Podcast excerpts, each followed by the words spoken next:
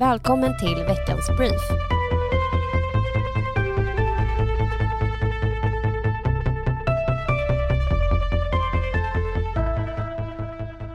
Sjutton av 21 regioner väntas göra underskott nästa år. Denna vecka rapporterar Sveriges regioner att många väntas gå med underskott under nästa år. Region Stockholm är en av dessa och väntas stå för över en tredjedel av det totala underskottet. Det totala underskottet uppskattas vara runt 11 miljarder kronor. Underskottet som Region Stockholm har budgeterat för är 3,5 miljarder kronor. Det som påverkar detta är främst inflationen som i sin tur gör att pensionskostnaderna ökar kraftigt för landets regioner. Fortsatta problem i Stockholms pendeltågstrafik. I veckan har det varit problem i Stockholms pendeltågstrafik på samtliga linjer. Flera avgångar har ställts in och på delar av sträckorna har buss fått ersätta. Detta beror på personalbrist hos MTR som är det som kör pendeltågen på grund av en plötslig schemaändring efter att MTR ändrade sitt beslut att en del av pendeltågen skulle köras utan tågvärd med kort varsel. För stockholmarna har detta inneburit att det är ungefär 30% mindre pendeltågstrafik än en vanlig dag. Har du drabbats och önskar få ersättning från SL? Då är du inte ensam. Fler än 7000 resenärer har ansökt till SL efter pendeltågskaoset. SL har även fått in ansökningar om ersättning för snökaoset för ett par veckor sedan. Totalt väntar 14 000 ansökningar på handläggning. Budgetdebatt i Stockholms stad.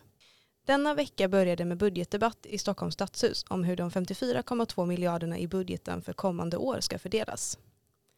Här fick bostäderna stå i fokus när majoriteten bestående av Socialdemokraterna, Vänsterpartiet och Miljöpartiet prioriterar att kommunen ska bygga 3 500 nya kommunala hyresrätter. Kristoffer Fjellner, Moderaternas gruppledare, kommenterade detta i DN och sa att stockholmarna har röstat med fötterna och flyttat härifrån. Politiken ska anpassa sig efter stockholmarna, inte tvärtom. Vi ska räkna sängar när vi bygger, inte ytterdörrar. Det är barnfamiljer vi förlorar. En stad utan barn är en döende stad. Vi behöver fler bostäder. Utöver satsningarna på bostäder läggs mest resurser på grundskolan, äldreomsorgen och förskolan. Ny lagstiftning för att stärka barns bästa. Regeringen presenterar denna vecka ny lagstiftning för att stärka barns rättigheter och att barns bästa alltid tas hänsyn till. Tidigare i år trädde en ny lag i kraft, Lex Lilla Hjärta, som ska säkerställa trygghet, säkerhet och stabilitet för barn som vårdas enligt lagen med särskilda bestämmelser om vård av unga, LVU, och socialtjänstlagen. Lagen är döpt till Lex Lilla Hjärtat efter den treåriga flickan Esmeralda som var familjehemsplacerad och sedan flyttades tillbaka till sina biologiska föräldrar där hon hittade stöd en kort tid därefter. Statsminister Ulf Kristersson sa följande på presskonferensen om detta. Det som hände Esmeralda får aldrig hända igen. Idag tar regeringen över utredningen från riksdagen som ska säkerställa att barns bästa skrivs in i lagen, inte bara föräldrarnas rätt till sina barn och driver den vidare. Det är bokstavligt talat en fråga om liv och död. Den nuvarande lagstiftningen är inte tillräcklig. Därför drev vi under tiden vi var i opposition igenom något så ovanligt som en egen utredning i riksdagen för att säkerställa att barns bästa väger tyngre i lagstiftningen än de biologiska föräldrarnas rätt till sina barn. Nu har den utredningen överlämnats till regeringen för att bli verklighet.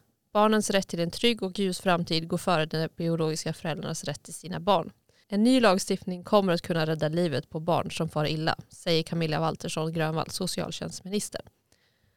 Förslag som presenterades i utredningen och som kan bli verklighet nu är att en ny bedömning genomförs av socialtjänsten där barns bästa, inte bara föräldrars rätt till barnet, lagstadgas. Obligatoriska och återkommande drogtester införs för att säkerställa en drogfri hemmiljö och att socialtjänsten följer och utvärderar flytten under ett års tid. Det var allt för veckans brief. Nu tar vi ett juluppehåll och önskar er alla en riktigt god jul och ett gott nytt år. På återseende!